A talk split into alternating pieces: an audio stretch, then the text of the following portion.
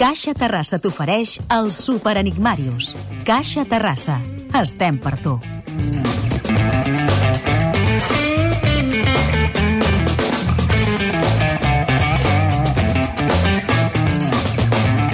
Mario Serra, molt bon dia. Bon dia i bona hora, Manel. De seguida arriba l'Enigmarius, el Super Enigmarius, de Sí. fet, però abans hem de repassar tota la classificació. Això cada cop s'està aclarint més. Ara ja som 1978.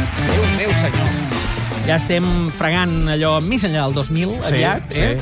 I de, després de les quatre primeres setmanes de la Lliga, per tant, tancat a aquest divendres, ja només queden al capdamunt dos cracs. Dos! Només dos, sols, amb 94 punts. Miquel Àngel Givert, Aplaudim-lo molt. que és de l'Hospitalet de Llobregat, i el campió del Liceu, Josep Maria Sant Salvador, de Sarrià de Ter. No falla, eh? T'imagines que hi ha algú que aconsegueix el triplet? Clar, clar, això no, no, no, Perquè no havia aquest passat any mai, fem però... Copa, Lliga, Lliga i Champions, també. Sí, sí, podria Campions. passar. Campions. Diríem. Nosaltres farem campions, sí. Clar. I, home, podria passar. De tota manera, la cosa està molt exigent. Sant Salvador és l'home a batre, no? Uh, Sant Salvador és el sant de l'Enigmarius i després ja tenim doncs, un grup important que detectem alguna mena d'equips, de formació d'equips, perquè n'hi ha dos participants que són de Vic, amb 85 punts, Esther Rovira i Willy Neira. Aplaudiments. Això, Vic, Aplaudiments. uh, crec que també hi entra, però després tenim també amb 85 quatre que actuen des de Mataró. Per tant, Joan Selva, Imma Montassell, Anna Montfort i Assumpció Iglesias, tots de Mataró, jo crec que estan fent un club aquí, eh? De fet, opcions en tenen molts, perquè com que no sabem quina és la puntuació, Clar. i aquesta setmana ho has complicat molt, perquè Molt, hem donat molt. 7 punts, 6 punts, 10 punts... 10 pel didgeridoo. Hem fet una mica de el que seria el Dragon Khan, Sí. eh?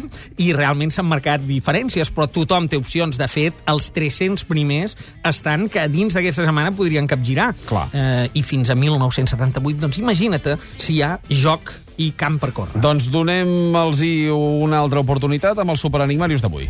Bé, avui demanem el nom d'un mar, uh, un mar o una mar, ja saps que en català, mm, diguem, pot ser masculí o femení, però en tot cas jo dic un mar. Eh?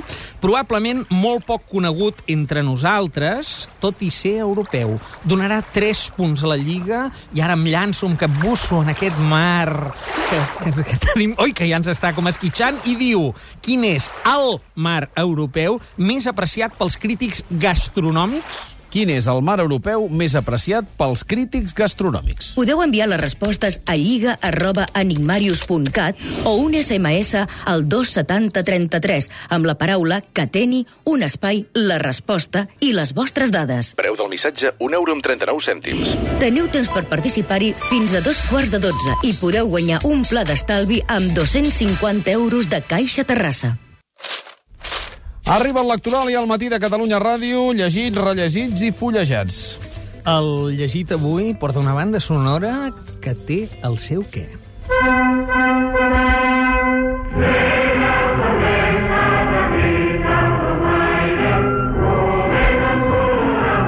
No només per la cançó, sinó No. per qui la interpreta. Certament. Què és això, Màrius? Bé, això és, eh, com ja tothom haurà sentit a les barricades, però la versió és de l'Orfeó català, del disc d'or enregistrat del Palau de la Música, que trobo que té un La cert podrien xoc, cantar, diguem. cantar ara, de fet. Sí, sí, sí, és un- d'una actualitat extrema, no?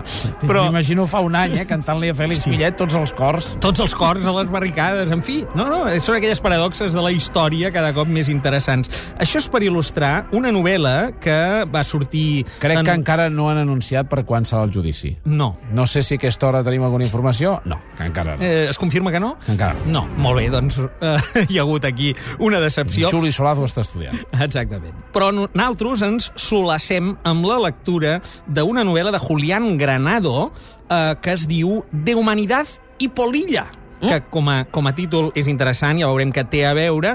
Eh, el subtítol, eh, tot i ser una novel·la, ho clarifica molt tot. Totes les cares de Ferrer Guàrdia.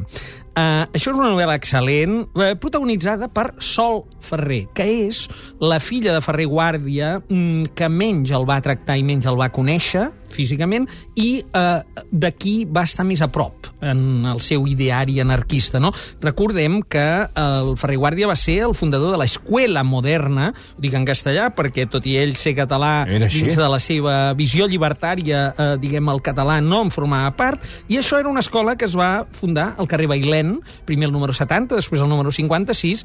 En Ferrer Guàrdia va ser afusellat a Montjuïc el 13 d'octubre de 1909 en plena revolta anarquista, eh? la setmana tràgica i tot plegat. Tres L's li has posat. Sí, a veure, eh, hi ha, mm, diguem, dues, eh, dos punts de vista. D'una banda, i aquí jo no estic prou preparat com per eh, valorar-ho, segur que els seguidors historiogràfics de Ferrer i Guàrdia hi trobaran aquí motius per a la polèmica, perquè és una visió diferent, no? Eh, a mi m'ha interessat, sobretot, l'encert novel·lístic de situar el punt de vista en la filla, que és una filla que acaba sent tan llibertària com son pare i acaba reconstruint la imatge de son pare i la història, però que no el va tractar i no el va conèixer. I aleshores aquí hi ha la contradicció entre teoria i pràctica, que és magnífic, no? Un paio en el qual, del qual eh, se'n descriu novel·lísticament el seu dia a dia, que no es correspon en absolut amb allò que predica.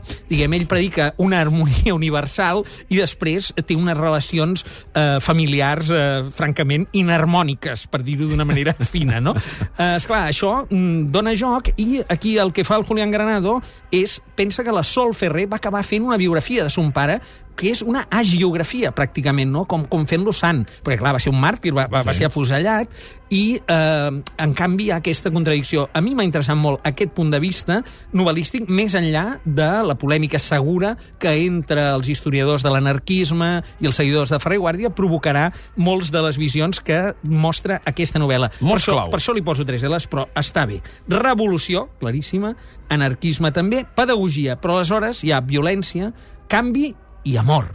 Se echó al monte la utopía. Joan Manel Serrat i Utopia ens marquen la banda sonora del rellegit. Sí, el rellegit eh, i entusiastament rellegit, eh? La novel·la Utopia de Tomàs More. Això acaba de sortir en edició traduïda del llatí al català per l'exconseller d'Educació Joan Manuel del Pozo eh, amb una introducció i unes notes, diguem, que contextualitzen molt bé. És la segona vegada que es tradueix directament del llatí aquest llibre clàssic de la història universal al català. La primera vegada ho va fer en Josep Pini Soler, que era un autor afrancesat de fa 100 anys. No? Per tant, és un esdeveniment. És un esdeveniment i realment molt ben resolt. Ens el situa. Eh, és un dels textos fonamentals del pensament Quatre Ls, eh? humanista. Sí, eh, però els filòsofs diuen, bé, no és un tractat de filosofia, perquè és una novel·la. Eh, Recordem-ho, Utopia és un joc de no enlloc, utopos, eh, és una illa que s'inventa en Thomas More eh, i en descriu una organització social diferent. D'aquí ve, de fet, tant la paraula utopia que ha perviscut en totes les llengües com el pensament i una tradició després de novel·lística utòpica que ens portaria Orwell, 1984, Aldous Huxley, etc. No? Aquí, mm, clar, cada aspecte nou i positiu que es desenvolupa en aquesta illa utòpica topa també amb la ironia del Thomas More i eh, la perfecció acaba sent també un mal de cap. Per tant, hi ha utopia i distopia, no? Eh, explora en Thomas More, que, recordem-ho, va morir també eh, ajusticiat, en aquest cas per Enric VIII, perquè no va acceptar mai, Quina diguem... re- carrera portem avui. Mm, Sí, sí, avui acabem tots allà mateix, no? Però, però bé, eh, amb, amb l'ajut del Erasme de Rotterdam, Thomas More és, són dues de les grans figures del pensament humanista del qual ha perviscut i en el segle XXI, diguem, és dominant, no? Per tant, anem a la font, sempre que sentim a parlar d'utopies, ut- això són utopies, no sé què, ara podem, en aquesta excel·lent edició d'Accent, una petita editorial gironina, en traducció, introducció i notes de Joan Manuel del Pozo, l'utopia de Thomas More, brindada a tots nosaltres, Mots clau. amb aquests mots clau. Utopia, soc eh, obvi, però és així. Avui en dia ja és un nom comú. Ideal, justícia social, tolerància i convivència. Arbre que mira farola, farola que mira façana, façana que mira rellotge, rellotge que mira campana.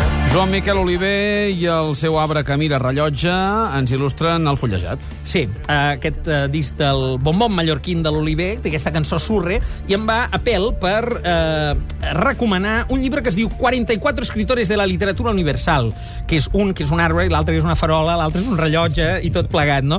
Això està escrit per al periodista Jesús Marchamalo, un periodista madrileny que també havia fet una novel·la editat a Ciruela, que es deia La tienda de palabres, molt interessant, i l'il·lustrador Damián Flores, que el que fa doncs, és dibuixar. Eh? Sí. El Hemingway, el Joyce, a qui sigui, no? Què, què ens trobem aquí? Faulkner, clar, jugant sobre segur. Pues un 44 que van de Polinera i Ursenar, passant per Balzac, Capote, Dostoyevsky, Lampedusa, Melville, Pessoa... Greatest hits. Mm, sí, vull dir que aquí no, eh, és interessant. Però eh, en Marchamalo té una gran virtut, que és la de la síntesi. I jo crec, almenys pels autors que conec bé dels que hi ha aquí, que no tots els, els he llegit a fons, diguem, Kafka, no sé què, eh, trobo que um, aconsegueix una virtut molt gran, que és fer un retrat molt complet i alhora molt llegidor, perquè té dues pàgines cada retrat, eh? Vull dir, Clar. no... Uh, és És d'aquells que pots enganxar per on sigui. Clar, clar. I, I en aquest sentit trobo que és un tipus de llibre eh, que no és una enciclopèdia ni, ni un diccionari, però que té gust literari. És un llibre de lector. Aquest senyor Marchamalo és un bon lector i ens transmet la seva passió per tots aquests grans autors. Per tant, mm, 44 escritores de la literatura universal a Ciruela. Moltes gràcies, Màrius. A reveure. Fins la setmana que ve. Sí, continuarem.